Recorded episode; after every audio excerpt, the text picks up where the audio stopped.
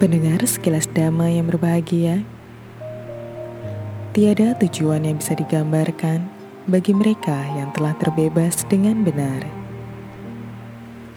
Telah menyeberangi arus ikatan indriawi, telah mencapai kebahagiaan tak tergoyahkan. Demikian penggalan Udana 8 ayat 10. Daba Malaputa, penata tempat tinggal. Seorang ibu meninggal menjelang melahirkan. Ketika jasadnya dibakar, ternyata bayinya masih selamat.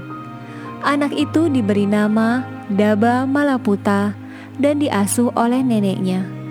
Waktu itu, Sang Bagawa datang ke Anupia, kota di mana Daba Malaputa tinggal.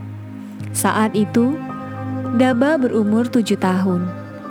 Daba dan neneknya datang melihat sang Bagawa.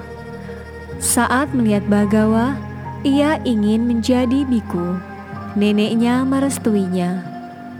Daba ditabis menjadi sama Nera.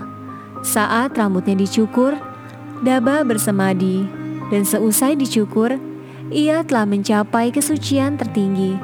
Setelah itu, sama Nera Daba ikut Bagawa pergi ke Raja Gaha. Setelah menjadi Samanera, Daba melayani Sangga. Ia bekerja menata tempat tinggal para biku dan mengatur makanan mereka dengan sangat piawai. Ia menata dan membersihkan tempat tidur para biku. Ia mengarahkan perumah tangga yang ingin berdemam makanan. Ia juga menyediakan air minum dan air cuci kaki bagi para biku. Karena kepiawaiannya, Daba jadi terkenal. Banyak biku datang untuk melihatnya. Mereka datang larut malam dan meminta menginap di tempat terpencil. Daba akan mengarahkan kesaktiannya. Ia membuat dirinya menjadi banyak. Tubuhnya mengeluarkan cahaya terang bagai api. Jarinya bersinar menerangi jalan, dan ia berjalan memandu mereka di depan. Setelah cukup usia, Sang Bagawa menabi Samanera Daba menjadi biku. Atas pelayanannya, Daba Malaputa Bagawa nyatakan sebagai biku yang unggul dalam menata tempat tinggal. Nantikan sekilas dama episode berikutnya yang berjudul Mengajar di Surga.